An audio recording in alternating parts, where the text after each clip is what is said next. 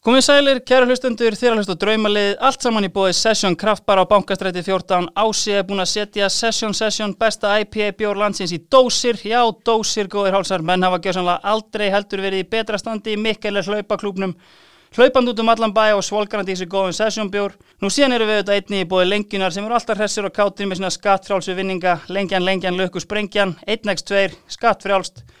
Nú draumalega séðan auðvitað með styrka og trösta vinni og síðan okkar nýjustu vinnir í OK Bón. Við hefum farið yfir þetta áður, það eru engir betri í þessu fæi.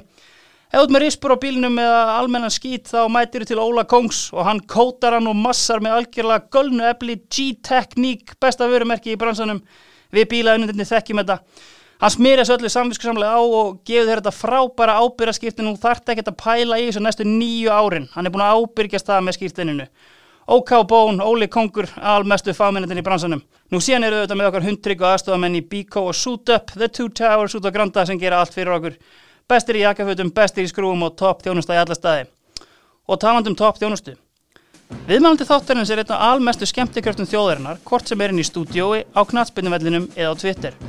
Hann er handbóltar okkar í fættur árið 1980 og ólst upp á Blöndósi þar sem hann spilaði sem fyrsta mestraflokksleik fyrir kvöt árið 1994 gegn Magna á Grenivík aðeins 14 ára gammal. Hann flutti á unglingsárunum í Kópavóin og samlega því að lúka laungu og ströngu tveggjára námi til Vestun og Prófs hófan að leika með breyðarblik. Þar gekk hann inn í hóp manna í Kópavónu sem knallbyndugáningar hafa kallað Players kynnslóðina og spilaði sem fyrsta leik í landsímadeildin árið 1999. Eftir 11 ára veru í Kópavóinum söðlaðan um og fór aftur í heimahagana í heimkomu sem beði var eftir með mikilli eftirvæntingu en meira en þá sjóferð síðar í þættinum. Eftir heimkomuna frægu var þann eins konar fjöllistamæður sem ferðaðist um landið og bauð minni sveitafélagum þjónustu sína gegn vægu gjaldi en í dag er hann virtu knarspinduspekingur og þryggjabarnafaðir í kórunum. Kostir hans sangkvæmt vinumanns eru að hann er með eitina vinstri fót og ágætlega tanaður en ókostir hans er örlítið nefnmæltir og eigi það til að vera stundum of horny. Hann er alveg bókað eini leikmæðin sem hefur farið tablausi gegnum bæði inkasso og aðradeldina. Góði gestir, Kristján Óli Sigursson.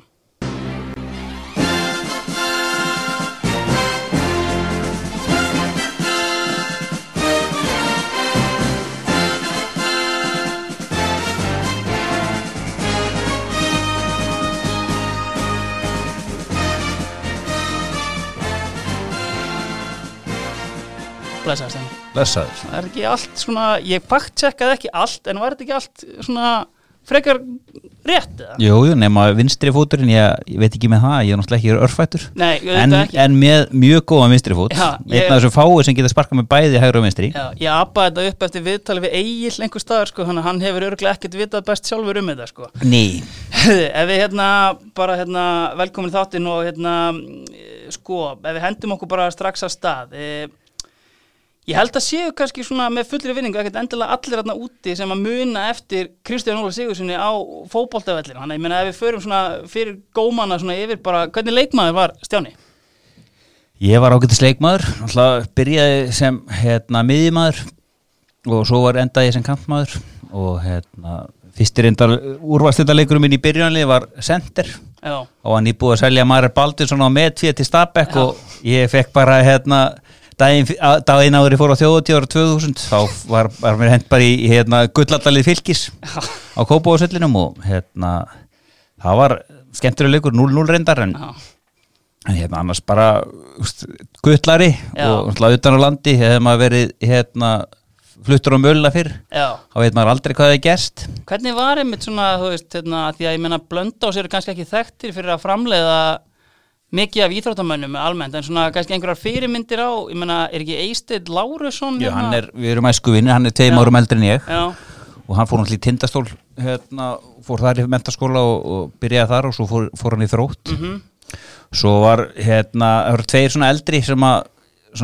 það í, í ef, efstu deild. Já, Herman Arason. Já, sem líka með stjörnunni og Bjarni Gaukur Sigursson sem lík, líka með stjörnunni og er í Mm. já. Er Guðjón Heiðar Svingsson? og Guðjón Heiðar, Já, við erum ég gamlir. Já, já, já, já, og svo komum við bara við. Þannig að það er bara alltaf var það var fjóraðveldin í gamla daga. já. það var alltaf markmið að komast í úrslakefna þar. Mhm, og fóru upp 86 mhm, unnu grótt í úrslaleik þar á Söðugursvelli Já. ég gleymi þeim leik aldrei. Það var bara eins og United var að vinna Champions League á þeim tíma sko en hérna annars er ekkit allt á mörgir leikmennarna en aðstæðan allir hún ágætt í dag. Já, hún er orðin ágætt í dag? Já, já, Já. en þarna var bara, veist, maður æfiði bara frá hérna mæ til september sko. Já, já, þannig að þú getur ímyndaðir nei, nákvæmlega.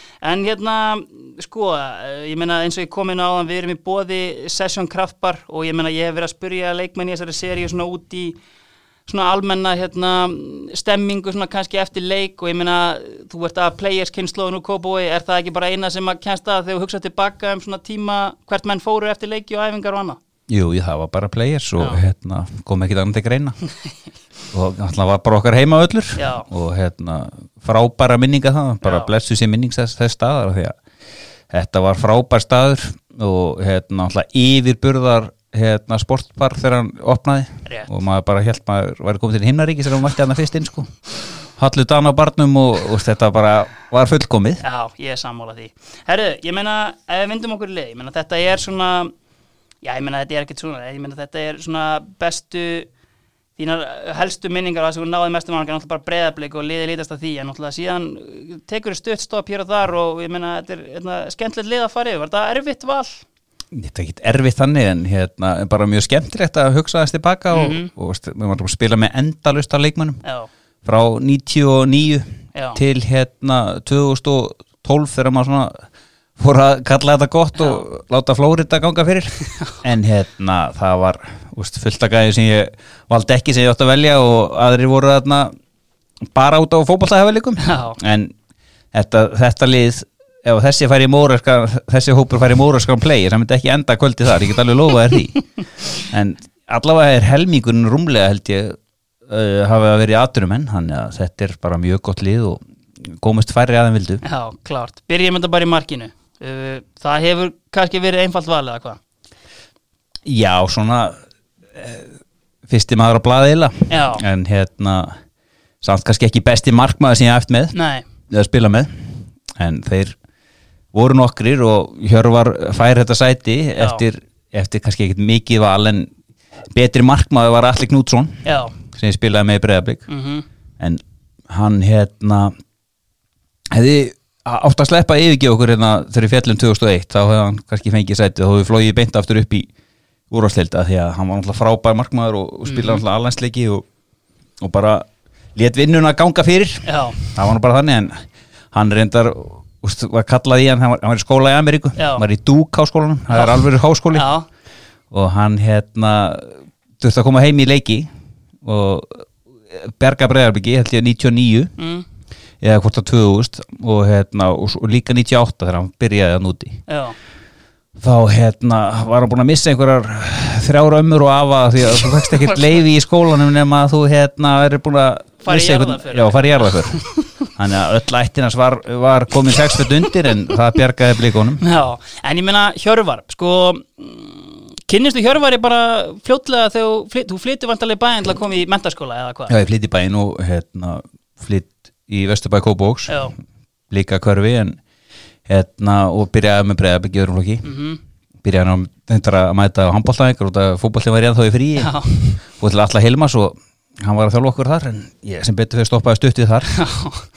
En hérna svo kynni stjórnum bara mjög fljótlega í gegnum hérna stráka svo hún ræði með mér, hann var alltaf í háká. Já, og hérna svo er ég í svona okkar leiðir láðum betur saman eftir að ég hérna skipti yfir í MK Mhm. og vorum alltaf ágætis félagar hérna ég var í, í hérna vegferð minni að Vestlunarbrúnu en hérna þá bara voru við mjög góðu vinnir og náttúrulega áttum allt samanlegt varandi fótbolta. Mhm, og hérna horfum okkur einasta United leik saman og þetta bara small þarna og, en leiðir okkar á fótboltavillin lágur alltaf ekki saman fyrir uh, 2005 einmitt, nákvæmlega. Heldur það að vera erfitt fyrir Hjörvar sem ég meina kannski í ykkar vinahóp uh, er hann svona útistandandi hákáingur eða veist, var hann alltaf að berjast fyrir sínum mönnum eða? Já, hann var svona eini svona snar vangefni hákáðingur en hérna það var einhverju gæði sem voru náttúrulega margir þeim voru í handbólta í Já, og hérna þetta var ekkit, þetta var nú held ég meira í, í hérna svona nefinónum heldur en eitthvað annað. Já, og alltaf breyðablík hérna st- stóri bróðurs og háká náttúrulega var ekki til fyrir að íká fór á hausinn. Já, var þetta fótboltan sko. Mhm, þannig að þetta var úst, ég þurfti ekki að samfæra mikið að koma að það 2002, hann ætla búin að vera mikið á bekknum og Já. spila lítið og langaði að fara að spila fótbolta og Mhm. ég var alltaf voru með ekkert þannig frábært lið Nei, en það átti að setja stefnuna hátt og, Mhm. og hérna ég held að þegar við Bjarnið Jó rættum það fyrst hvort þetta ætti ekki að taka hjörværi markið þá hérna var það bara eiginlega döndýll eftir það Já. og svo að stjórnarmyndir hafi klárað, klárað neglan sko já, einmitt En hvað, hérna, einmitt, tala saman kynniskæsti þegar farið best í MK, ég gróf hérna upp uh, viðtal við fjölmiðla gladasta vinnin Egil Einarsson sem hann talaði um svona sinn hápunkt á knaspinni ferlinum hefði verið framistað í MK-dildinni þar sem hann eh, talaði um liðið, það var einmitt hjörvar í markinu uh, kynlífsvíkillin Kristinn Pálsson á vinstri vagnum uh, Kristján Óle á hægri og Marel Baldvins upp á topp. Þannig að þið hafði ekki tapað margun leikjum hann Nei, við erum ófóða titlan og þetta var alvöru deilt sko. Og hérna ég gleymi ekki þegar að hérna, það var líka byggakeppni, það var bæði deild og byggar og, það- og kennararnir voru með lið í, í hérna, byggakeppni já Og var það ekki, var það King Willum eða? Jú, Willum var náttúrulega kongurinn í MK á þessu tíma.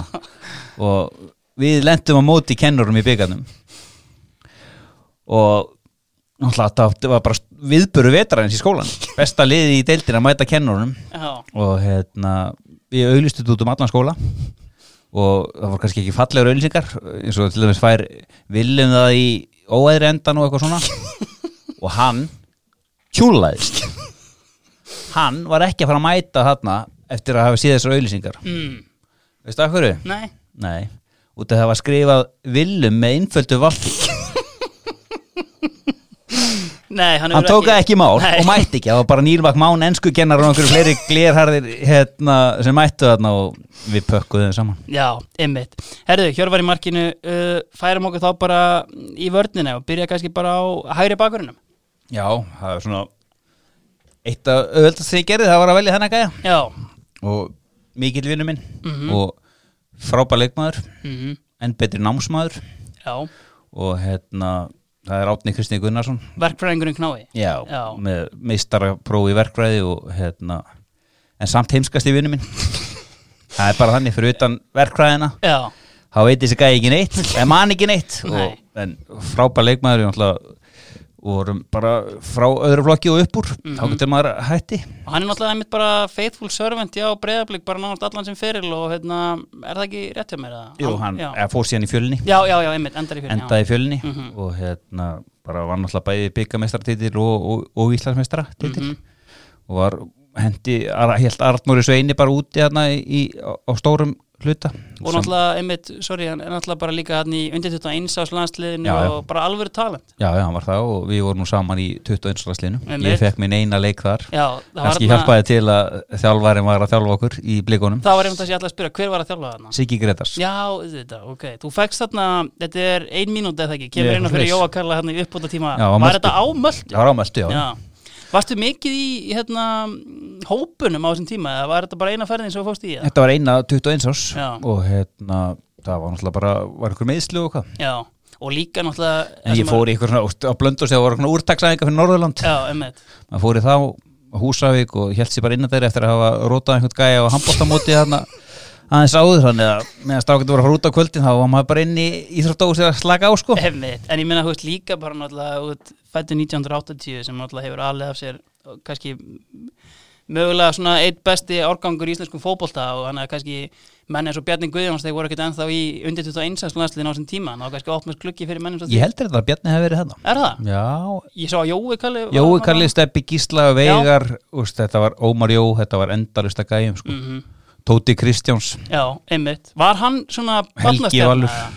Þórarinn náttúrulega, hérna, Bjargvætturinn náttúrulega skýst mjög snemma upp á stjórnhefin og ég einhvern veginn fatta aldrei hvað hann var ungur af því að hann var búin að vera í umræðinni bara sem ég Já, bara það var man eftir að 94 sé að 5 sem hann skorar. Já.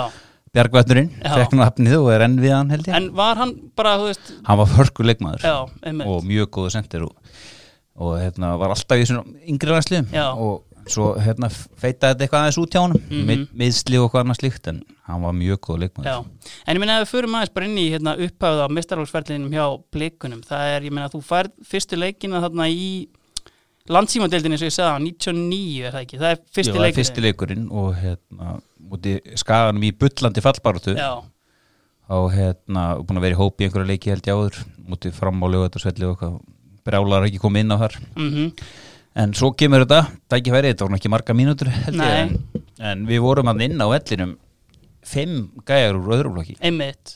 Þetta er náttúrulega einmitt nákvæmlega players kynsluðin hann þetta eru þú, Marel, Átni fleiri? Nei, þetta var ég, Átni mm uh, Pétur Jónsson, Mm. læknir. Já, og Hörðu Bjarna sem var í Vikingu og, Mhm. hérna, og Maggi Palli. Já, einmitt þannig að við vorum hann að 480 Malli var meittur þetta já, já, ok.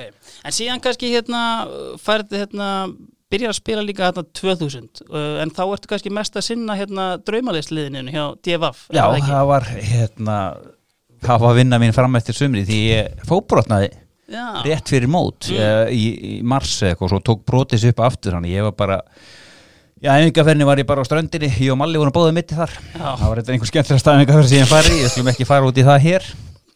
En hérna, svona, ég var ekkert byrjað að æfa fyrir í júni og svo var bara draumaliði sem átti hugmanns allan, maður var með insight úr bæði val og, og, og breðablík. Já, þú varst þarna, það var hérna mynd af þér og Agli Einarsinni í DFF þar sem að þið takja móti velunum sem efstu menn eh, fyrri hluta umfærinar.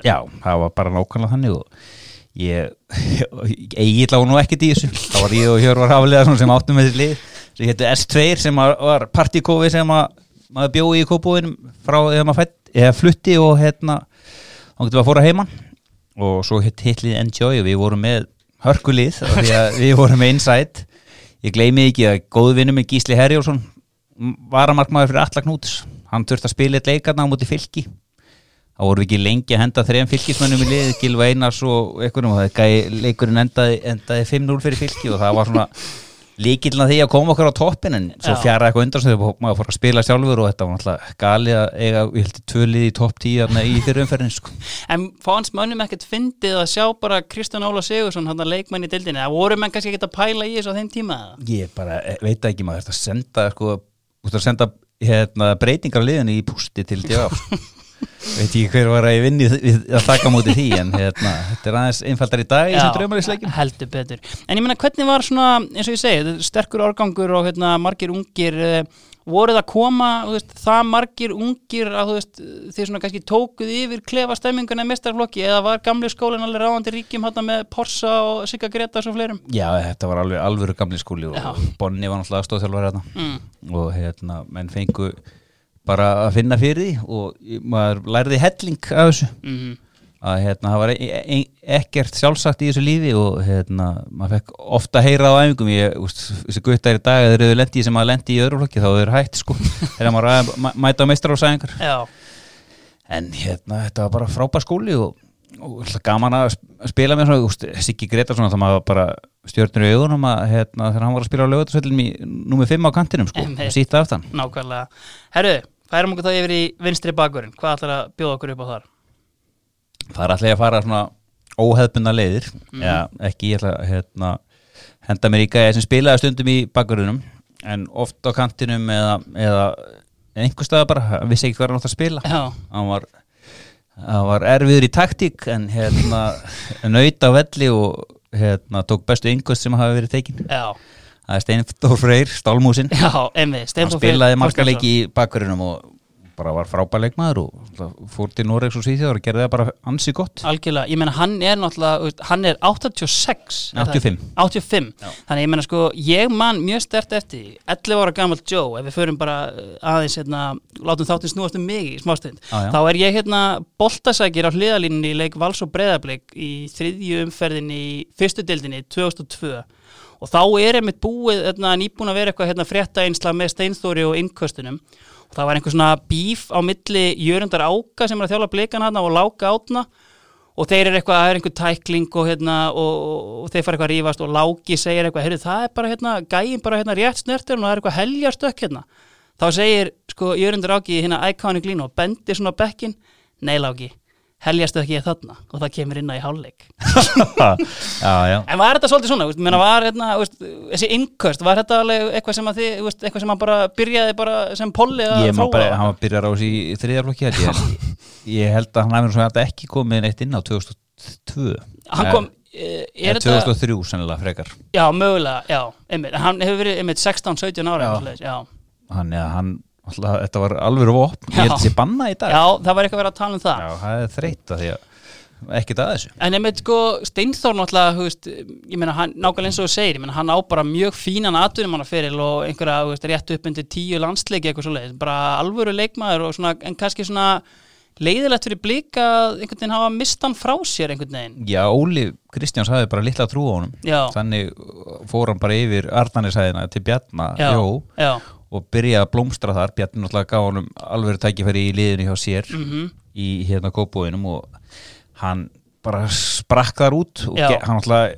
þegar hann var heill Já. hann náttúrulega svolítið mikið mittur að þegar hann var heill þá náttúrulega voru alltof miklu færi gerðugræslið þá var hann langbæsti gerðugræsgæin á Íslandi það er pott, hér, sko. og ef að blíkan hefur verið með gerðugræs hann 2006-7 þá hefði hann farið hérna fyrir metfið úr, úr smáranum og eitthvað út í heims Já, einmitt. En ég meina, kemur um dynna, Bjarni Jó, auðvitað huge fan af, af Steinþóri. Ég meina, Bjarni Jó kemur hérna inn 2004. Hver er þjálfari 2003? Af Því, uh, Jörundur Áki er 2002, er það ekki?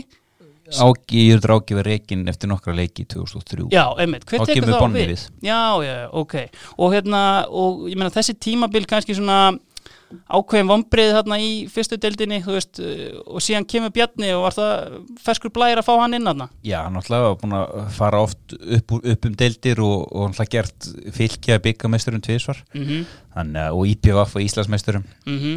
og, og byggameisturum náttúrulega þannig að þetta var bara alvöru refur Já, og vissi nákvæmlega hvað það vildi en hann fór kannski ekki úst, fór, þá leiði alltaf að kaupa okkur upp fyrsta tímabili já, einmitt. Fær hann svona Sverri Sverris. Sverris og Kjærra Antons Já. hann verið náttúrulega með hann í eigum Já, en það bara gekk ekki upp og voru bara orðnir og margir gamli leikmenn já. þannig að það var farið náttúrulega bara í algjöra kúvendingu þarna 2005 þegar þið síðan einmitt farið ósýraðar í, í gegnum fyrstu deildina Já. það er eitt leikmaður, eða, einmitt, að- ég ætlaði að spyrja út í þessu sko, að hérna þú veist, það er einmitt, þannig séð engin sérstök styrking þarna á milli 2004-2005 og veist, meiri segja svona, veist, á pappír kannski lúkar illa, ég meina uh, Pétur Óskar, hann hafi verið að spila þarna með ykkur 2004 Já, ræðaði minn. Já, er það ekki, veist, Jú, ég meina já, hversu sko. góður var Pétur Óskar? Hann var frábæri fótbolta mm, og hérna bara mjög góð leikmaður. Já. ég vilja sjá hann halda áfram. Já, en hann er að gera gott í öðru núna Óskar León Óskar León hérna, en mjög gaman að svo fór hann í BF og gerði já. ágætið sluti þar og síðan meiddist hann alltaf, það fór bara eins og það fór. Herðu, færum okkur þá bara hérna í, í hafsendaparið, við erum að nálgast árin 2005. Við getum kannski bara tekið á saman. Við getum tekið á saman Já. Já.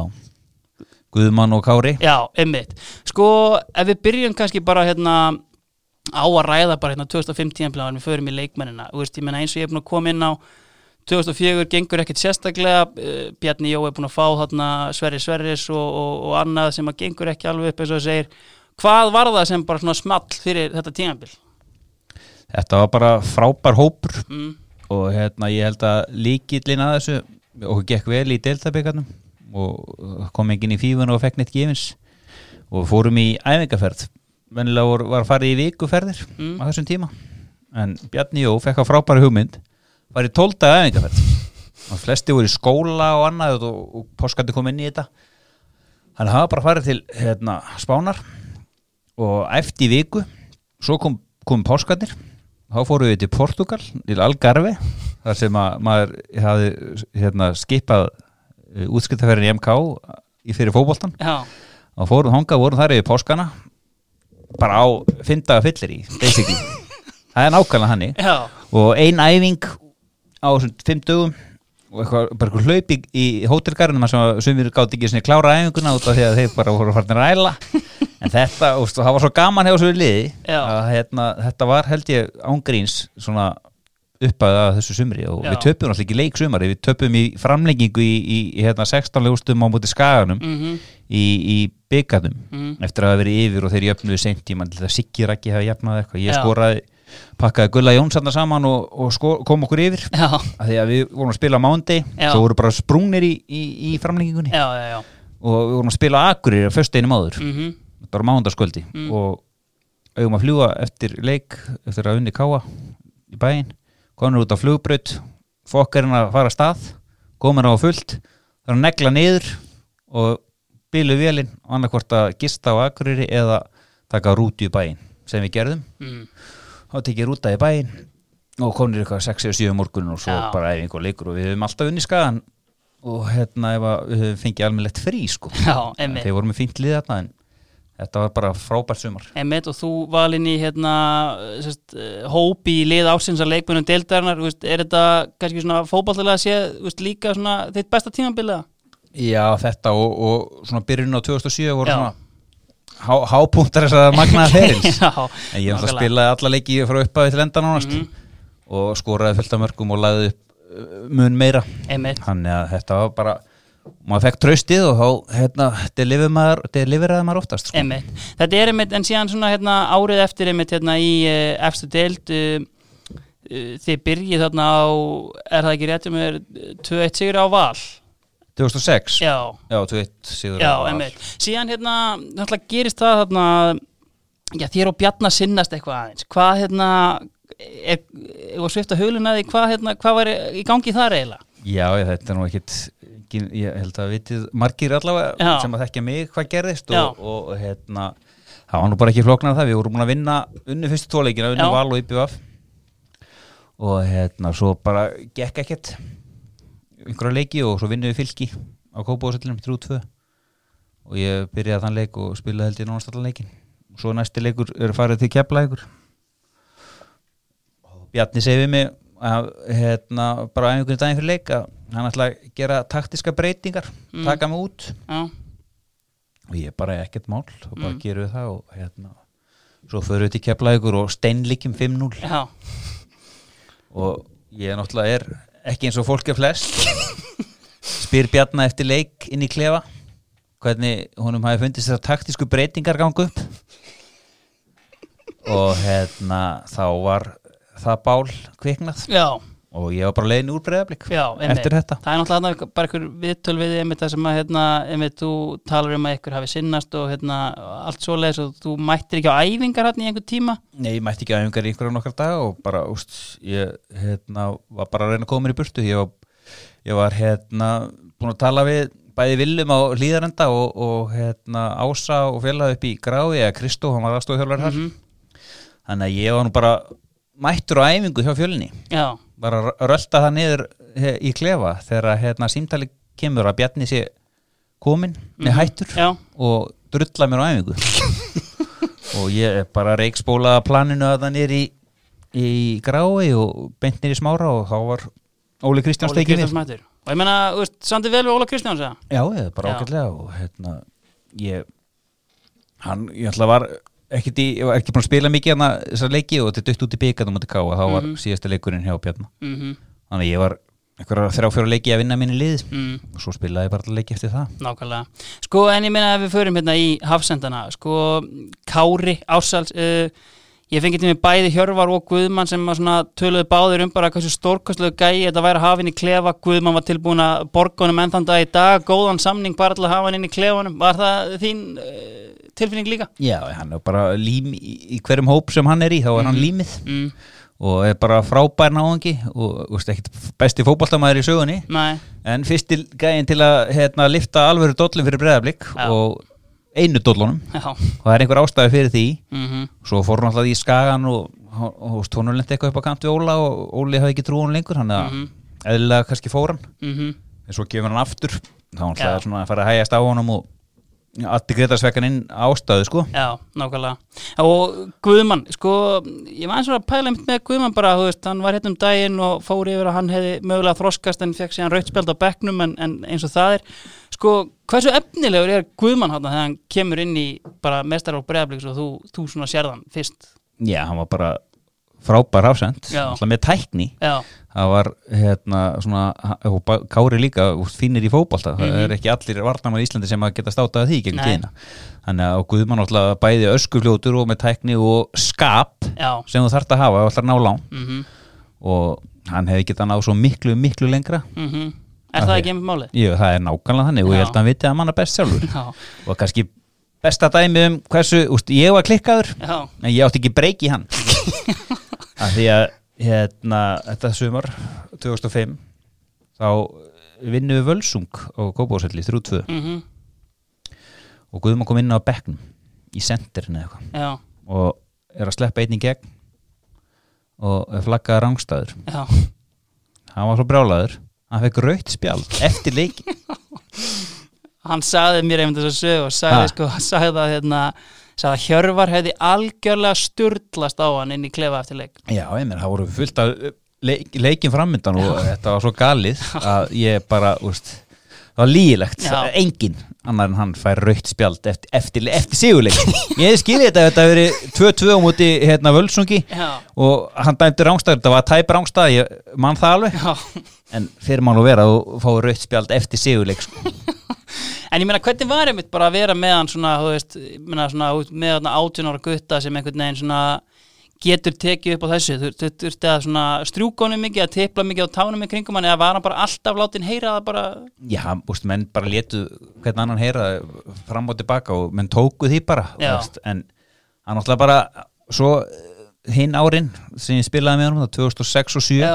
þá var hann ekki alltaf í liðinu nei, einmitt Þannig að og, þá, úst, og það fór ekkert sérstaklega í skapið á honum heldur sko en það var kannski bara þegar hann var ekki í standi eða annað mm þannig að það var eitthvað annað sem að fókusin fór í Já. en frábær hafsend og hefði getað náð svo miklu miklu lengra alveg klálega. Herðu, uh, við erum náttúrulega líka í bóði Sútepp Reykjavík, bestu mannana í jakkafötunum út á Granda, sko Stjáni, verst klætti leikmaðurinn sem þú varst með í klefa, er einhver sem poppar svona fyrst upp í hugan hjá þér? Já, svona Olli sig þegar hann kom með buksurnar niður að hæla einhverja, hérna, svona stúsi dæmi eitthvað, ég gat það ekki sko en hann bakkaði náttúrulega bara upp með hérna, með tóltómunni og, og hérna, og andlitinu sko en hérna, þeir eru nú margir sem að uh, vita ekki hvernig er að klæða sig Nei, sko. En við erum sætið á Olger Sigurgers, hann, hann hérna þarf að heyri okkar mönnum í, í, í Sútebreyki það er mjög gott sjátt. Herru, færum okkur þá hérna upp á miðjuna bara. Uh, þryggja manna miðja uh, kannski svona tveir fyrir aftan. Já, tveir fyrir aftan. Já, hvað, þú ræður bara á hvernig þú byrjar þar? Byrjum bara á Arnari Greta sinni Já, sko ég meina kannski svona nálætt í að vera eitt besti leikmaður sem þú spilaði með. Já, og hann var frábær. Mm og svo hann verið eldgamall þegar Já. hann hafi byrjað að spila með hún Einmitt, þá var það lígilegt hvað hann var góður í fótbolta. Já. Og góðu standi. Mm Hann kemur þarna inn er það ekki 2007, frekar Nei, 2006 2006, Já, 2006, já. hann er bara Óli, Óli Kristjáns fekk eh, ekki bara hérna það var, það sem að hjálpa honum helling. Já, í að þegar hann mætir þá er Greta svona orðin löglegur. Já, einmitt. Um leið og Bjarni fyrir það 15. júli held ég þá, þá eru allir löglegur búin að ræða með okkur í þrjára eða fjóra vikur. Mm og alltaf beðið eftir að hann er löglegur og svo bara gerist þetta og hann kemur inn og alltaf bara frábær. Og meina á þeim tíma eru þið kannski bara svona við botnin og ég meina hann vantalega leiki latri í því að ykkur uppi? Já, hann gerir það heldur betur og kláraði og keflaði ykkur leikinn það síðasta leikinn sem við gátum alltaf ennþá fallið í síðustu umferðin en endur samt í fimmtarsæti held ég. Mm og hann alltaf bara ótrúlegur í fótbolta Mhm. og leikskilningur og annað. Og bara gerir líka aðra í kringu sér betri Er það ekki með mála? Maður pældi svona oft í og menn þessu- hlustu þegar hann talaði Er það ekki málið? Jú. En meiri tal- segja Guðmann sko. En hérna en þú veist, talaði mikið, var hann strax orðin svona hérna, þjálfara element í já, já, hann tíma? talaði endalust og hérna bara úst, hjálpaði öllum og menn gáttu leita til hans og þannig alltaf er ástæði fyrir hann fór að þjálfa en ég vil að hann fara að þjálfa meira Já. og strax þetta er gæði sem veit hellingum fótbolta og, og getur miðlað Mhm.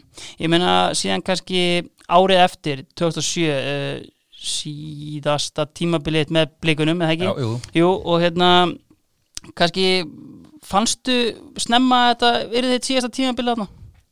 Nei, alls ekki ég, hérna við vorum með hörku liðana og útlendingum, það var 2007 sko, það Já. er ár sem að flestir munur seint gleyma Já, og það var mikið lagt í þetta mhm, þrjá hérna, fyrir um Júgoslavíu menn og, og svo prinsinn sjálfan. Já, og Arna Gretarsson já, þannig að þetta var alvöru lið og svo kom alltaf Kasper í marki þegar Hjörvar já. gafst endanlega upp. Var hann En- góður eða? Kasperinn, Já. hann bara eins og Hjörvar aðeins svo mikið utan honum. Já, en hérna fýtt markmaður og allt það en já, hann var bara hörkulið Já. og við byrjum á að tapa fyrir fylki. Mm. svo, þetta eru bara tíu lið. Átján helvitis leikir, Já. það er ekki neitt. Næ, töpu fyrir fylki, prinsinn reikin úta fyrir eitthvað algjört kjaftaði Já, það er tveggja bann held ég. Rekka með þryggja og ef, að, ef að, hérna, ég hef gert þetta þá hefði ég fengið kannski eitt leik. Mm þannig að þetta var dýrt og svo alltaf bara unnum ekki, ég man ekki hverju unnum fyrst. En hérna bara mikið jætteplum og mm Mhm. jættepli held ég káröldum í, í hérna annar umferð. Mm svo er, er ég hérna detti aðeins út á liðinu -hmm. og kem svo aftur í lið þarna, mið, miðja setnum umferð, nei fyrir umferðina. Vinnu við Skagan, HK og eftir að tapa fyrir F og eitthvað ósagjart í kriganum og svo bara kemur setnum umferðin. Ég held að það hefði verið byggalegur um til HK Já. þar sem að svona, það fór að fjara undan þessu. Já, ég tekið út að ég já, og eftir að átni vinni minn hafi gefið HK og bara marka á silfurfatti já, þá hérna er ég tekin út að hálfleik skaut í stöngina á síðustu sekundi fyrir hálfleiks. Mm, þá held ég geti Steindós hafi komið innan fyrir mig. Já.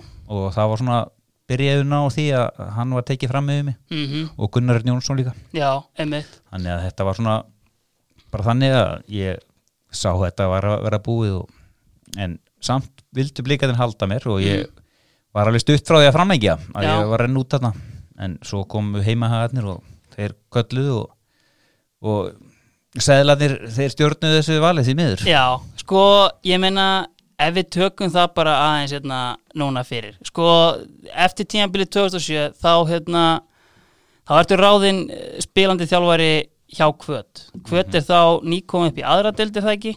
í fyrsta skipti síðan held ég 87 Já, og hérna varstu með einhvern bakgrunn í þjálfun á þessum tíma eða? Nei, ekki einn einasta Hvað svona, hérna, hvað kvikti áhugaðan á að fara tilbaka? Var það engangu sælarnir eða? Nei, nei, þetta var bara ég er alltaf, eins og segi þessi titill í fjóruðdeldin 86 Já, á hérna það var, úst, það er bara einhver besta minning mín bara sem krakki mhm, og maður búin að fylgjast með liðinu öll í sár Mm. og svo kemur þetta upp að hérna þjálfarin láti fara mm, og ég, þetta er nú ekki stórt bæjarfélag og ég átti ættingja í stjórn og hana mm, þannig að þetta er að koma upp og vorum að ræða saman og það var hægt að gera eitthvað þarna. Það var alveg hægt að ég gæti alveg náði leikmenn. Já, og ég náttúrulega þekkti alla. Já, og það var mjög þægilegt. Mhm, ég náði, ég veit ekki hvað marga leikmenn hann norður. Já. og þetta sennilega best manna annar þetta liðið sögunar Það er nefnilega, hérna, þetta er nefnilega, ef maður skoðar einmitt svona fréttirnar um svona eftir áramót og fóri, það er, veist, þessi í kvöð staðfest, þessi í kvöð staðfest, ég meina, og ég meina Blöndós er náttúrulega bara, bæjarfélagi farið að trúa, ég meina, Já. Auðun Blöndal og, Egil Einarsson nú hérna. meira bara hérna, markastjórin að- pæla sko, en hérna, þeir spilir nú ekki segur ég veit ég hvort að blöða að vera á bekknum í einum deildabikalega eitthvað. Já. en þeir fengi ekki mínútur. En þetta var að vanta að breyka hópin og úst, ég tók hann að gæja og breyðabli Gústa og, og hérna, Ragnar Heimir sem mm Mhm. -hmm. spila með fjölni hana og spila byggarúst og þetta voru bara gæjar sem að Gústi var í skóla Já, í Ameríku. Mm, þannig að þetta var bara svo ekki Bjarnar Pálma þarna frá Káa Gissur sem var búin að vera í, í leikni. Mhm. hann átti einhverja kæristu þarna á þessum tíma þetta var bara endalust já, og Óskar Vignis kvatamaður sem að, hérna, var búin að vera í þrótti. Mhm, hann kom hann heim og svo og náði við bara í tvo útlendinga Já. og, og eða þrjá já, markmaðurinn og hérna tveir útlendingar. Það var kannski líka það sem að hérna feldi mig þar að var að miðjumæðurinn sem ég fekk frá uh, Bosníu, hann, hann meittist rétt fyrir fyrsta leik. Já, já, ok, og svo var þetta bara held ég fimm leikir dildi eitthvað. Konur í, fór, voru konur í 32 leið í byggarnum og leiðin á lögatarsvöllin og mæta fram. En ég var farin áður en það kom að því. Já, sko, þú tapið þarna, eh, tapið ekki bara fyrir Mikael Nikolásinu og félögum og hérna, er það ekki síðasti leikurinn? það er síðasti leikurinn múti íhjá á, á ásvöllum. Já, Hjörvar var minn maður í, í hérna deggáttinu já, en ég, það var búið að ganga mikið á Já. áður að það gerist. Hvað var búið að ganga á?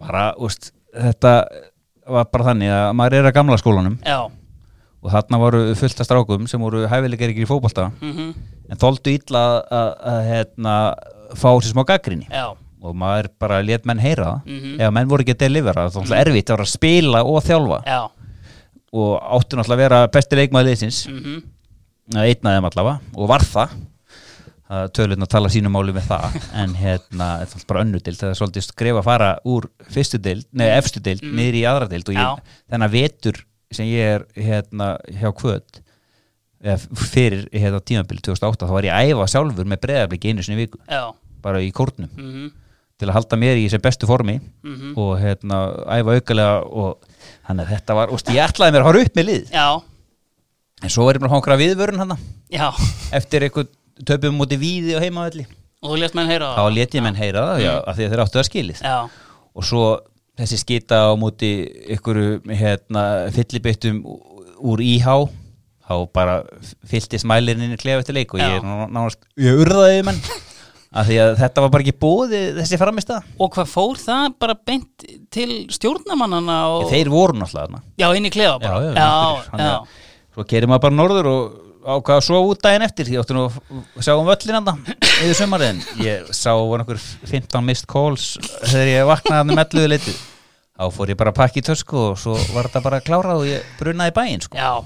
en ég meina, þú veist, er einhver eftirsjá í þér eftir með hennar tíma já bara hefði ég verið aðeins bæði ég og stjórnin aðeins hérna, bara geta rætt málin betur Já. þá hefði þetta alltaf enda á eitt veg og það hvað getur látið sér dreyma í, í fyrstildinni, það er bara nákvæmlega þannig með mannskap Já. og enda endur held í fjórða sæti Mhm. og getur ímyndar ef að leikmaður sem er á besta aldri ekki bara það að ég fór sem þjálfari ég, ætla, ég voru að missa eitt sem besta leikmann já, líka sko. Einmitt, en nákvæmlega ég held að þeir sjáu meiri eftir sem ég. Já, sko, hérna þá var viðtal við eftir tímanbílarna 2007 þegar þú síðan semur við kvöt sko, að hérna, þú talar um að þú veist, þú er að fara frá bregðarblik en þú er áhuga að vera áfram í úrvalstildinni Var það einhver möguleiki? Voru hlutabriðin hái stjána þarna? það var eini möguleiki var breyðablík Já, já, þannig að úst, ég fór á einn ef ekki tvo fundi með Óla nýri smára. Mhm. og úst, fórum yfir þetta allt bara mm. og ég var búin að sitja hann á bekknum setnir huttan og fekk nú einhverju að koma inn á í, í undarústum í já, byggar og í framlengingunni Já, þannig að þetta var bara bara meant to be að fara í heima hana Já. að ég held ég að búa hann eina við mánuð sko. já, einmitt Herru, Arnar Gretarsson uh, hver er með honum hérna fyrir aftan á miðinni? það er Já, frægasti Ættaður frá Blönduhlíð. Já, það er málið Já, já. ég skil, ok Sko, hversu góður var hérna Kristoffer Sigurger? Hann var mjög góður. Já, og jafnfættur mm, sem var náttúrulega kostur og náttúrulega var gríðarlega fljótur á sínum yngri árum. Hann var að fara að hægjast á hann þegar, þegar ég byrja að spila með honum. Mhm, en frábær leikmaður og kampmaður mhm. Og við erum náttúrulega bara góði vini líka. Já. þannig að veist, ég, þetta er hérna svolítið litað því þetta lið. Já, að hérna hann náttúrulega spilaði atvinnum bæði í hérna Svíþjóð og Greiklandi mhm. Og hefði getað náðu mun lengra líka Hann er við- svo góðu við sjálfan sér Já, en einmitt. Mikið meittur líka það hérna, hjálpa honum ekki. Mm, en hann ætla að vera ekki kannski ekki besta staðan svona alltaf kantmaður en ég, hann spilaði svona með mér á miðinni og, Það er hérna þetta tímabil uh, 2001 þar sem þeir eru saman ef við bökkum aðeins aftur bara það svona hérna, þú ert hérna dubbed uh, the one to watch hjá DFF fyrir tímabilið og hérna búin að vera svona kannski í veist, eins og við tölum mann, þetta er bara tíu liða deild þannig að það er mjög stutt á milli þess að vera bara í toppbaróttu og síðan bara í botbaróttu já, en síðan náttúrulega bara 2001 ég meina það er bara reikalegt hjá breyðablík, er það ekki? jú, Hvað hérna 14 stig held ég. Já, einmitt en þar 6 af- í fyrstu þemur Já, einmitt, og þar af síðan vinniði val hann og felli þá í loka umferðinni. Hvað, hérna, hvað var svona klikkað þarna? Að ég meina þarna er þú þetta er árið sem þú spilar uh, 21 leikin, eða ekki? jú, jú, Þannig að þú það, kannski þarna var ég bara búin að vera úst, var í flottu standi. Já, þarna var ég að spila miðinni bara ég, Kjartan Einars og Sæfa Péturs. Mhm, og bara gekk bara ágætlega og finnum hann fram og, og ég man ekki IPVF mhm. í fyrstu leikjunum. Fyrir svo til grinda ykkur töpum mjög ósangjart einhverju ógeðis róki á gamla hérna græsinu þar. Já, það var svona mikið að leikið sem var að tapast með litlu munan í uppæði mhm, fyrstu töpin og svo bara gekk ekki neitt. Nei. Og liði bara hrundi og ég held að unnum hann val og feldu það með okkur. Það Já. var svona eina jákvæða við þetta tímabil. Já, ég meina að Siggi Greta síðan þetta, hættir þetta tímabil góðu þjálfari? já, mjög góð þjálfari. Mm. og þarna á veiturna voru ekki bara við vorum alltaf með sandgrassi eins umöðlust og það var en Já. það voru mörglið ekki einu sinni með það. Nei, en svo voru alltaf æfi reyðhöllinni já, í kópóinum og það voru alvöru æfingar. Og hann alltaf alltaf með sjálfur. Já. og þetta, veist, þarna sittnuðu menn og, og, og hérna fengu alvöru hérna Já. þetta var bara geggjað að æfa bara í, í hérna hestaskýtnum sko. Að sumir í dag hefur gott að smakka þess á því. Það er alveg 100% Ég meina annar miðjumæður kannski sem mér dettur í hug uh, uh, fyrir viðmælandi þáttarins uh, Sali Heimi Porsa já, hann var nálægt liðinu. Ansi nálægt því. Mm. og þá hefði hann kannski haft hann úti sem kantmann. Já, en hérna hann var frábær og ég ætla að fullta hérna, er náttúrulega Íslendingur já, í dag. Mm, en útlendingar sem maður spila með er, er alveg haugur að þeim. Já, og úst, Sali er Íslendingur og, en svo er alltaf Robert Russell sem spilaði með við 2000 Já. Kani sem fór í Rosenborg og hann var mjög góð, frábær leikmaður. Mhm. hann allir knútt tóka með sér úr dúk. Já, og svo J. Buns Hafsend frá Nýjæsrandi, Já. landslismæður þar. Mm þetta var endarist og prinsinn og Já. fullt, fullt að gæjum sko. já, meirum það á eftir. Sko, uh, förum þá bara hérna upp í uh, tíuna. Margir sem komum til greina þar? Já, já, ég alltaf var ekki alveg viss með leikir, ég var búið að fara í bara fjóra, fjóra fucking tvo sko, en maður spilaði mest svona fjóra, þrý, þrýr Já, og virkaði best bæði sem hérna, leikmaður og, og, og þjálfari til skamstíma þannig að það var bara þá margistu komið til greina maður fullt að gæði sem maður spila með en þessi er hérna, betur neðið flestir í fókbólta og svona, mitt fyrsta íslenska átrúna að góða eila það er nú bara ekki flokna en þannig. Nei. Artmar Bergman Gunnljófsson Já, sko hann er þarna 2012 tíu er það ekki sem þeir eru í haugum saman Jú. sko hann er þá 37 ára og ég menna hann á ennþá eftir eitt tímumbyr og hann var frábær hann, með haugum á þessu sísoni Já, já, hann var það, ég er alltaf spilaði bara nokkra leiki mm -hmm. en það var hann sem fekk mig í hauga já. og það er hérna líka ástæði fyrir hann í liðin, hann vissi hvað ég gæti fókbalta og, og ég kem sent inn í þetta bara eftir ára mot einn tjón vissi ekkert hvað ég ætlaði að gera mm -hmm. hvað var þetta í boltan en hérna, ákvaða slá til og haugaði náttúrulega líka konur upp -hmm. eftir hvað 30 ára eða eitthvað Mhm. í, í neðri deildunum. Mm og hann aðstóð til að vera Andri Marteis þjálfari hann spilaði hann með mér 2000 Já, í, já, á svona síðustu metrum Já. hans ferils og náttúrulega frábæð leikmaður og landslismadur og þannig að það er endarist að gæja en Arnar náttúrulega var ekkert eðlilega góður í fótbolta. Já. Hvernig er með svona hérna hvernig var, að því hann hefur sagt hérna, hann sagði mér í þættinu um svona þegar hann var þjálfari og annað og, og svoleiðis að hann var mest bara kannski sem spilandi þjálfari bara að spá í sjálfum sér og lítið að pæli í hvað aðri voru að gera og svona fókusin á sjálfum sér. Hvernig var hann svona þú veist, í þessum hópa sem hann er augljóslega lang, lang stærsta nafnið og, svona við yngri leikmenn og, og, og aðra? Ég held að það bara verið mjög góður fyrir hérna gæjaða sem að úst, hafa náð langt eins og Gauði Lýðs hann var að stíga sér fyrstu skrifastu deild.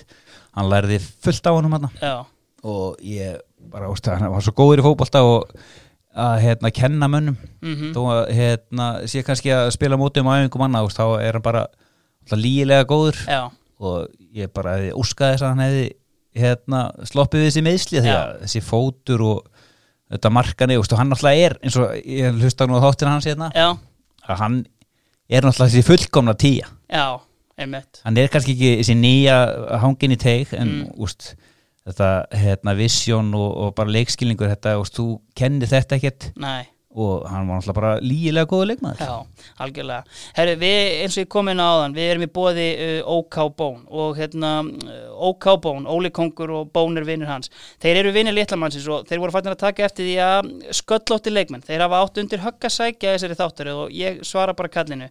Sko Stjáni hefur verið að spila með fullt af sköllóttin leikmennum og uh, veist, Arna Gunnlaugs augljóslega kannski sá besti, eini sem kæst í liðið en svona kannski aðrir sköllóttir sem að eftirminnilegi frá ferlinum. já, já, Bróðin kannski. bróðir minn, ég, við áttum nú nokkra leiki saman í breyðablík mm. 2004 Já, og svo fekk ég hann í kvöld líka og spilaði held ég eitt leik með hann þar mm, í leikinni bara já. en hann var þá held ég ennþá með hár Já, það er 2-3 strá, já. Já. en það er það Maggi Palli Já, einmitt. Hann held lengi vel að hann geti haldið í þetta en þegar hann tók skrefi þá, þá náðum sér held ég brónskó Já, einmitt, svo var hann alltaf með Kristján Karnel Brooks. Einmitt hann var yðurlega vel bónaður. Alvöru skalli og líka finnst mikilvægt þegar menn eru sköllóttir að, að það sé smá tan að fylgja. Þá, þá er þetta bara Og þá eru færri, sko, fáið sem standa Kristjáni Brúk snúningi. Já, hann, svona, þetta var frá náttúrunar hendi líka svolítið. Já, ég get alveg sagt ykkur það að það var bara eins og á 30. mínúti að hann væri búinn að smyrja á sig G-Technic eh, vörumerkinu frá OK Bón og kóta allan skallan á sig, glæsilegur. En var úrst, ég nefnilega sko, ég man fyrst þetta Kristján Brúk sem er bara sem strækir hjá IR og veist, ég held bara að þetta væri besti leikmaður á landin var hann hérna góður þegar þú spilaði með honum eða? Já, hann var alveg ágættur, skoraði eitthvað mörg og hann kom frá keppleika skoraði eitthvað slatta þá Mhm, áður en að koma í blikana. Já, og þetta vali stóð á milli hans held ég og Steingríms heitins í Jóhannessonar að fá í blikana? Já. já, og Steingrímur held ég að hafi valið eh, fylki, Fylki, þannig að þá var farið í næstu hillu og það Já. var brúksarinn. En hann var flottur, ég man bara eftir hann fyrst sko, þegar hann var með gróttu í baráttur við kvöt í neðrildum Já, ok. það var, hérna, þá var hann að ræða þeim Já, það er klart. Herru, uh, OK Bón, sköllandi leikmaður, uh, Kristján Sóla, það er Kristján Brúks, ég held að það sé alveg klart. Herru, ég meina, en áður en þú ferði hauka, þá tekur hann tímabil með Reyni Sandgeri. Hvernig kom það til? Var það Kristó Sigur? Já, Kristó var þar Mm, og hérna, hann bara seldi mér þessa frábæra hugmynd og hérna góðu vinn minn Sigurði Bjarni Sigursson Mm. sem var varamarkmar í Val og já, pappi hans var í stjórninni hérna og þeir einhvern veginn náða að plata með hérna yfir. Já, upp á hérna heiði. Mm, ég sé ekkert eftir því en hérna, þetta var alltaf frábært lið sem voru með í, í, annar delt rétt Mhm. eftir hrun. Þá bara fara í hérna, úrástildarleikmenn trekk í trekk. Já, og Kekits kom að það meðal hans Mhm. mm eitt sá besti sem ég spila með. Já, og svo hann væri með Sigo í háluleik og eftirleik og fyrirleik já, sko. rúmlega ferdu bara hann. Já, hann var ótrúlegu leikmaður Já. og, og ekki gramma fytt á honum og bara spila alla leiki og kvarta aldrei og sama þú verðum í, í hérna, æfa einhverjum sparkvelli í Sandgerð sko, það var bara að hafa gaman og, og hérna og spila fótbolta sko. Já, en ég meina, þú veist, bara hvar, meina, eftir að spila með honum, bara hvar myndir ranka einmitt Sinisa Kekic bara sem bara bestu útlendinga sem á að komið hérna? Ég, hann er alltaf á topp 5 Já. það bara 100% hannig Já. þegar hann var í grinda ykkur sett besta þú Já. veist. það var lígilegt að hann væri að spila á Íslandi án gríns Já, einmitt. Herðu, færum okkur þá bara upp í hérna uh, fremstu þrjá. Uh, byrjum kannski bara á hægri kantinum. Já, það er gæði sem að hérna, hefði getað ná miklu lengra líka margir af strákum hafa verið eins og ég, kannski aðeins og góðið við sjálfa og ekki síst þessi gæði Já, Gunnar Örn Jónsson já. Það var alvöru kantmaður. Ógeðslega fljótuð með geggjaða löp. Sko, voru þið einhverju stöðu bara á þessum tíma á hægri kantinum með það?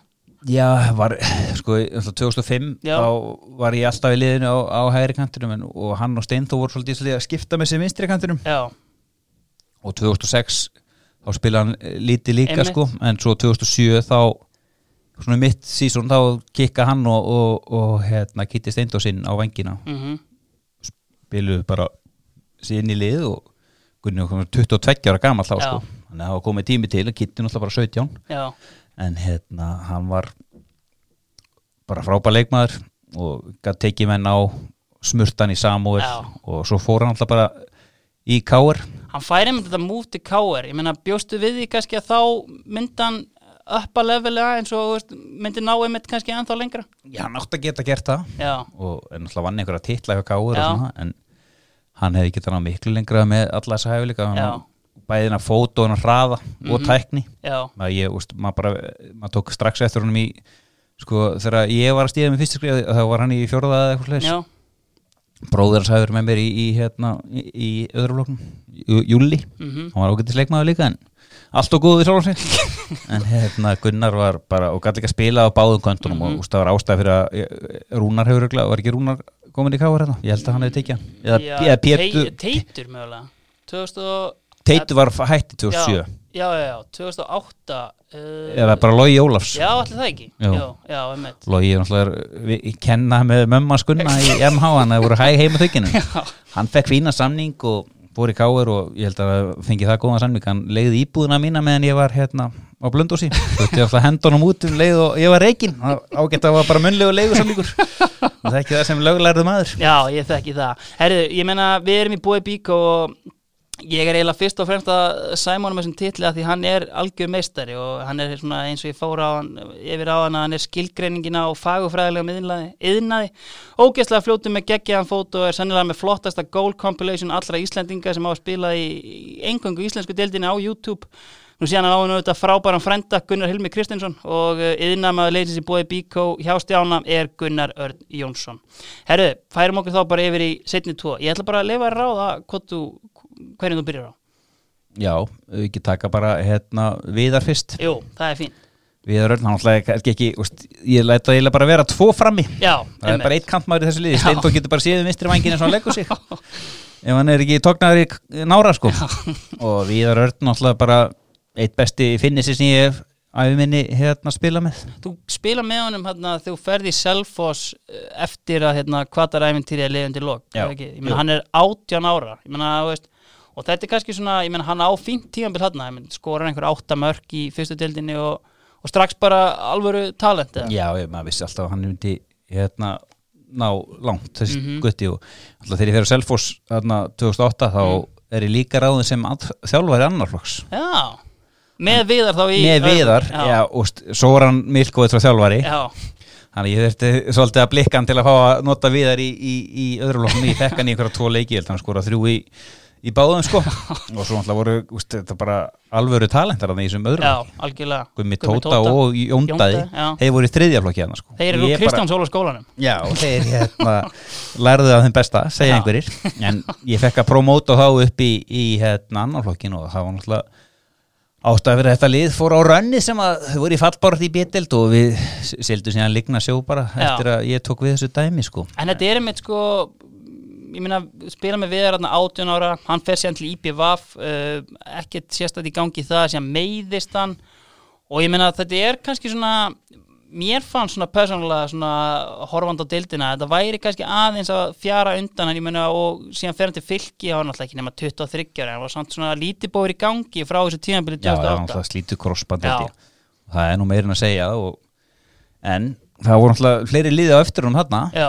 Breiðablík, hérna, hann hendaði ekki út af, lífstílum hans. Já, það er einmitt svona spurningin svona, ég meina, einmitt út frá svona karakternum, þú veist, helst að veist, hafður áhyggjur að því að það hérna Nei, með, úst, ég þekki fullt að gæðin sem hefa hérna, gaman að lifa lífinu sko.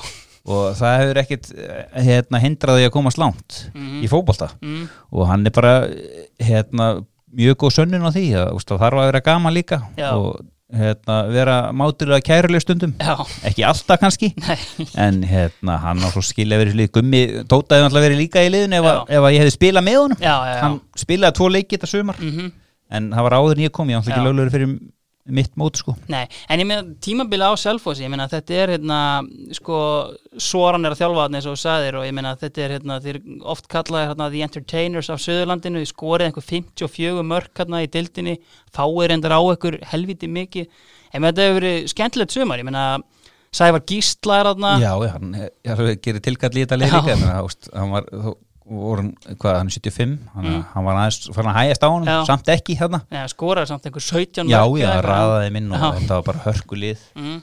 og við alltaf vorum grátlega nála því að fara upp Þetta er einmitt bara hérna, tap fyrir fjárðabygð það ekki sem að fer með þetta þegar Sirdan Rækovic skorar hann úr vítaspinnu og, og þið detti úr öðru sætinu og stjarnan fyrir upp í staðinn Já, ég gleymi þessu leik seint að ég tók viti í þessum leik sem að títnetur Serjan varði er og ég átti ekki að taka vitið það var brotið á mér. Já, svo var hann gargað inn á Henning Jónasson að taka það. Frábær leikmaður og hérna gæði sem er 3% vita. Já, hann að taka vitið, ég held nú ekki.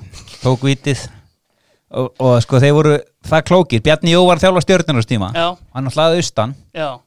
Vennilega spilaðar á hérna, Eskifyrði já Herri, Bjarni ringi bara í símdal austu stráka, herriði, því ég segja að völlurinn á Eskifyrði sé óleikvær, færið leikina á Neskupstað á ógeðslega skerfikras næssíðust umferð, kerðu fram hjá völlunum á Eskifyrði, aldrei sé grætni fótballtaföll á auðminni sko. Mætum hana og við fáum þetta viti, Já. ég klikka og fæ held ég frákasti líka og sett hann bara sko lengst yfir. Það var rosalegt en Já, Svo missum við líka manna velli Já. snemma að þetta var ógeðslegt að því að stjarnamann held í K1-0 eða já, eitthvað líka. einmitt En mér síðan leist þetta upp í ykkur vitli svona þrjú röð spjöld á selvisinga og eitthvað Létt Soraði heyra það eftir þetta vitið eða? Nei, hann gerði það ekki Nei. en hérna, ég bara þetta var, mér er aldrei liðið jafn illa á æfinni Nei Hvernig var Soran sem þjálfari? hann var mjög góð þjálfari Mm en hérna Var hann órugglaður eða? ég, held að það er svona aftur á hann að Já. enn lengra hann er hérna, veit fullt um fótbolta og, og skemmtilegar æfingar og, og svona ástriða í honum Mm en ég, veist, hann hefði geta hann hefði að læra þess meira að inn á svona Mannleg samskipti. og af því að hann var mjög góðu kennari og reyndist mér vel og hafði mikla trú á mér Mhm. alltaf gaman að vera leikmaður hjá þannig þjálfur Algjörlega. En ég meina ef við förum aftur bara ég meina komst inn á hérna, Henning Eithor áðan sem er svona mjög, hérna, það var alvöru talent. Já, hann var geggjaður káir og, Mhm. og hérna, spila alla stöður. Hann var teknískur með sko hérna 1.90 á hæðrúmlega og bara og frábæra vinstri fót. Hann er ekki þannig á langt en hann hérna hafði áhuga á einhverju öðru. Og hann er held ég einhver fitness-þjálfari eða í crossfit-þjálfari í dag. Já, og síðan kannski hérna, ég held að þessi fyrsti maðurinn sem ég fæ í þáttinn sem hefur spilað með uh, Suðurlandsins eina von, uh, Arilíus Martinsson. Já, það var frábær liðsfélagi Er það ekki? Jú, jú, ég hérna margir skemmtilegin, hann er eitt svo skemmtilegasti Já. og ekki nóg, bara þetta lið þarna 2008, Mm. ég kem að inn byrja að æfa þarna 15.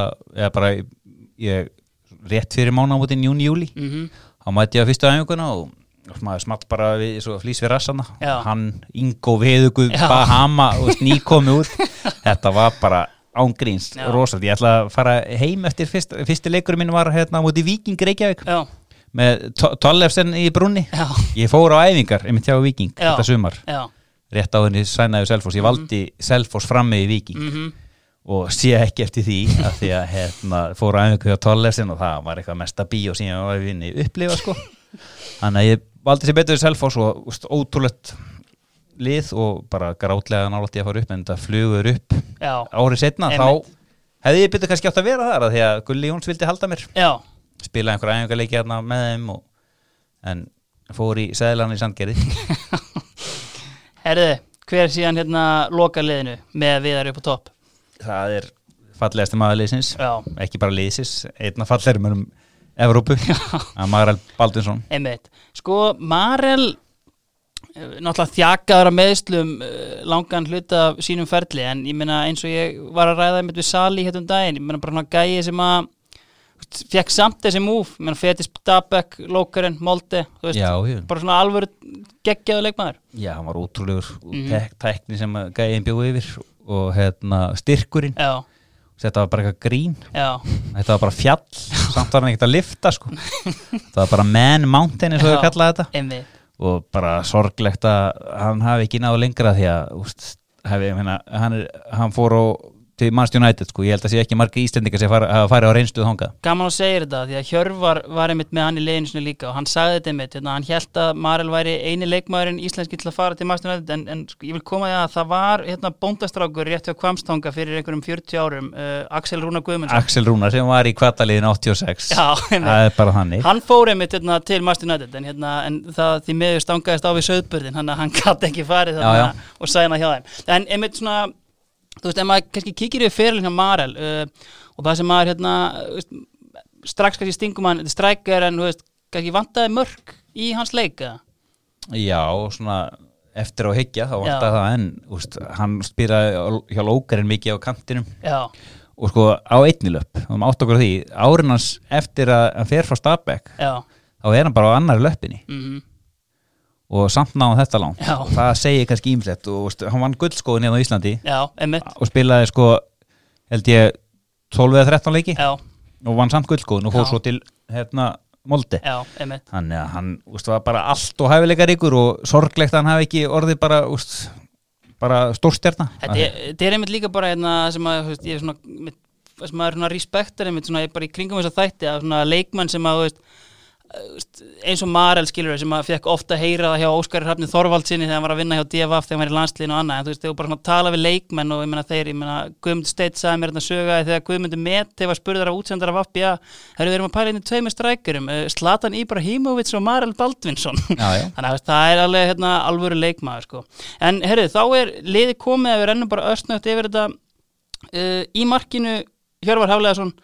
Hæri bakur Átni Kristinn Gunnarsson uh, Vinstri bakur Steinþór Freyr Þorsteinsson uh, Hafsendar Kári Ársals og Guðmann Þórisson á miðinni Kristoffer Sigurgeirs Arnar Gretars og Arnar Gunnlaugs og fljótandi frammi uh, Köst J. Gunnar Örn Jónsson Viðaröld Kjartansson og Marel Baldvinsson sko Stjáni, við erum líka í bóði lengjunar, lengjan hefur verið að spyrja leikmenn svona eftirminnilegustu leikir sem þú spilar á ferlinum, er einhver svona eitt sem að stendur upp úr?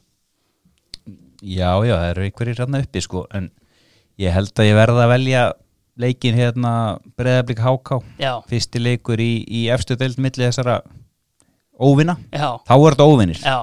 2007 og hérna engin maður hataður meira í, í hérna rauða og hvita hluta kópós þá en, en ég. Það er bara verður að segja eftir eins og er. Já, og hérna það var ansi sætt að hérna, setja fyrsta marki í þessum leik bara eftir en örfáa mínútur mhm, á kópósvelli já, bara stútfullu völlur, það var, þetta var rétt ára nýja stúkan var Einmitt, vígð, þá já. var bara að vera eftir þeirra að setja þakki á hana. Einmitt, þessi leikur er náttúrulega á hérna YouTube og já, þú setur tónin hérna með helviti hressilegri en löglegri tæklingu hérna eftir þrjár sekundur og það í rauninni var svona það kannski litaði helst stemminguna í stúkunni þar sem allt sögð upp úr hérna tímapunkti. Já, já, ég get alveg tekið það á mig að vera eitthvað, hérna, eitthvað í því en hérna, þetta var bara svo mikil ástrið og þetta var svo geggjaðu leikur. Mm og menn hötuðu hvern annan úst, inn á vellinum en Mm. kannski ekki það mikið utanvallar Nei, en þetta var alveg stemning og við náttúrulega vinnum en að leikaldi 3-1 já, einmitt, Og- já, 3-0 held ég 3-0, já, hann, hann varði vítið hann Kasper. Já, Þannig að þetta var bara mjög sætt, ég held ég fengi gull líka eftir, ég átti náttúrulega að fá gull þarna eftir nokkra sekundur, en var komið gull eftir korter og búin að skora. Þannig að þetta, veist, maður læði allt í þetta og það var ekkert skemmtilega að vinna HK í, í þessum leika. Þeir voru sko bara hefði farið í toppar þegar unnið hennar já, leik. sko. einmitt, þetta var sko, þetta var eftir einhverjar já, einhverjar 5-6 umferðir ekki Þetta var og- sennilega sjöunda umferð eða sliðis. Já, einmitt, háka með tíu stig, bleika með sjö þannig að þetta var hérna, stoppaði þá aðeins af sko. en einmitt hérna, kannski eitt lið sem við eigum til að taka á, á þínum ferli held ég eh, tímabili í Víking Ólasvík hvernig hérna kom það til?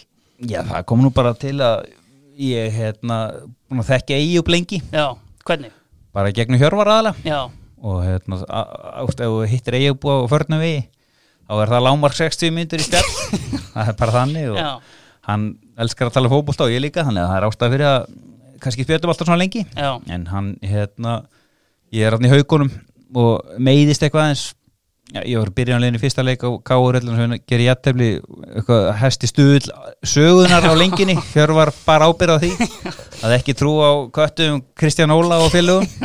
En náðum í stig. Mhm, og svo detti út úr liðinu bara strax í næsta leikaldi út af því að það var hérna já, voru bara meðsli mhm. Hilmar Geir hann sem var búin að vera líkilmaður hann kom Mhm. inn bara.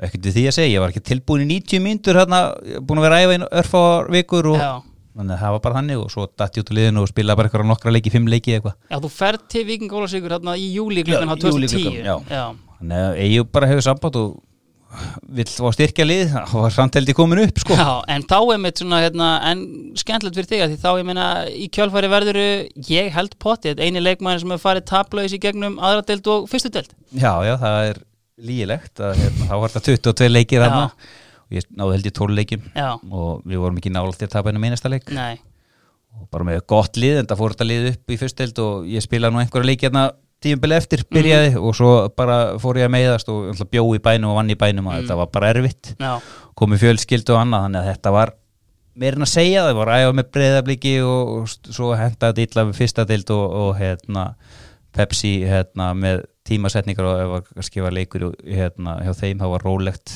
Já. daginn eftir og svona, þannig að þetta gekk illa. En maður fór alltaf samt daginn fyrir og tók æfingu í jólasíkur, þetta var mjög gaman og gott liði, fór alltaf í undarust í byggar og ég kem nú inn að það og var 1-1 held ég lengi vel sko. Er á FH. Í einmitt, og hérna það alltaf verið lígilegt þeir voru búin að slá stjörnun út rétt á löglegur. Já, þannig að þetta var bara frábært lið og ekki farið niður úr hérna fyrstöldinni og tvísar upp í, í Pepsi Max síðan og ætla bara ótrúlegt starf í Jólasvík Mm. sem að Blöndós mætti kannski taka sér til fyrirmynda því að það er ekkit starra sveitafélags nei, nákvæmlega. En ég veit, þú veist, fyrstu erum við að koma að bara svona hvað þjálfari þetta lið, ég meina, Eyjup, er það ekki bara topp þjálfari eða? hann er frábært þjálfari, Já, hann er mjög góð þjálfari og ég ætla ég með að hafa frábæra þjálfari í gegnum tíðina já, hver myndi þjálfa þetta lið hjá þér? sko ég þetta er rosalega erfi Já, en hérna Siggi Greta skað mér fyrstu tækifærin hafði trú á mér Mm. og hérna ég langar eiginlega að setja hann hana já, og Bjarni gerir alltaf frábæra hluti um okkur Mhm. en hérna svo kvissaðist upp á vinskapin en við erum frábæri félagir í dag já, Óli Kristjáns frábær þjálfari Mhm. og, og hérna bara enda búin að sanna það eftir að, eftir að okkar leiði skildu mhm, Þannig að ég, ég held ég sitta bara á sig að greita þess að spila, ég spilaði minn eina landsleik undir aðstjórn, mína einu mínúti og fekk að fara til Möldu, ég myndi aldrei fara til Möldu eitthvað svona dæmi, þannig að ég hendi sá King Gretarsson. Já, það er klárt.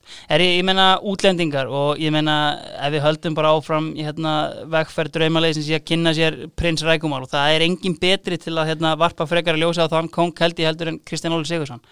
Hvað hérna, ég meina er þetta bara gangandi gamanleikur frá fyrstu sekundu sem að mætir eða? Já, þetta hérna, var náttúrulega bara bíó frá því að hann mætir í Já, smáran já. og hérna, frá því að þangað til hann fór. Að ég meina hann kemur hérna og veist, meina, hann var í úlingaliðum veist, hann var allan kemur sem bara leikmaður sem á, veist, hvort það er bara einhverjir úlingalandsleiki með Hollandi Já, eða hann og svoleiðis. Ryan Babel Já. saman úlíkalansleiki fyrir Holland og fleiri Já. gæjar á þessum aldri sko, að þetta var, þetta var stórt og þetta áttur náttúrulega bara að vera eitthvað svona eitthvað millibils ástand hjá honum. Já, og menn, hann mætir hérna 2007 og veist, ég held að breyðablík sé enn að hérna, leita gæjan sem að sænaði skrifa undir samningi við hennar gæja því að þetta var, þetta var alvöru hérna, góðari samningur. Ég get alveg votta það en það skrifaði upp okkar bílalán fyrir hann og hann getið sér nýja bílarna þetta sumar. Já, og þetta, þessi gæði, þú eru góði vinni ennþá í dag, enn dag. Já, og hann er góðu drengur og svo Já. kannski hérna, lúki kannski ekki alltaf út fyrir það nei en við vorum alltaf bara uh, mjög nánir Já. og hann úst, bjó stundin í úst, það var alltaf verið að flakka með íbúðir sem að hérna, blikarnir rettu Já, og hann bjó hérna, oft í bæ einhverstar Mhm. og við byggum inn í kórakverjun Já. þá bara svaf hann og sófónu hjá mér hann endi ekki heim ég veit ekki hvað oft hann sagði mér að ringi í Domino Pizza og vildi fá hérna hann var ekki að panta sér pítsu sko. Hann var að panta sér hérna einhverja svona nakka, kjúklinganakka og, og kartöflubáta. Kannski klukkan 11 á kvöldin sko. Og tvekja litra spræt með þessu sko. Það var kannski matræði sem að þó svo enga þjálfarinn í gilsari væri sko öfri hæðinni. Þá var þetta bara ótrúlegt og svo alltaf bara alltaf fekk því líka aðtegli mhm, komin á hann reynsróður síðan setna sko, Já. sem að keipti nú á góðvin okkar Gilva Þór Gilva sinni á já, hann, hann á að selja prinsinum hérna reynsan sko. Og þetta var bara líðrætt og ég Já. fór með hann alltaf hann átti fyrstina Runo Já. líðræsta saga sem að til er að því að síðan fer hann út eftir tímabil 2007 Já, til Hollands og ætlar að hérna, taka bíli með sér. Og ringir í mig og Johnny, you have to pick me up in Keflavík. Ég bara, what? Þá ætla hann að fljúa bílnum út.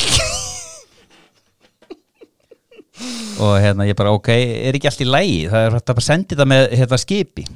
Nei, hann ætlaði bara að senda með flugi kargóvél til Þískalands og ekkert mál.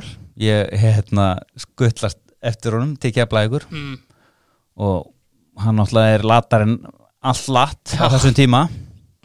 Þannig að hann er að spara sér tíma.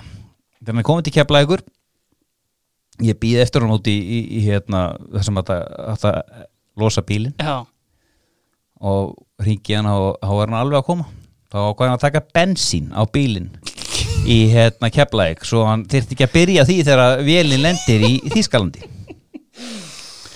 Og þeir spyrja náttúrulega fyrsta spurningi þeir spyrja hvort það sé ekki lítið bensín á já, hann bara no it's full og þá náttúrulega bara segja, heru, gleymið hugmyndinni. Þessi bíl fer ekkit fullur af bensinni í flugvél sko, bara gleymið hugmyndinni. Já, þá var bara eitt ráð í stöðinni það var annarkvort að sjúga bensinni af eða tæma tankin og við kerðum sandgerisvegin fram og tilbaka á allt og miklu hraða til að tæma tankin sem fljótast. Já, og það hafðist og bílinn fór með hérna velin út. Kostaði hann 400.000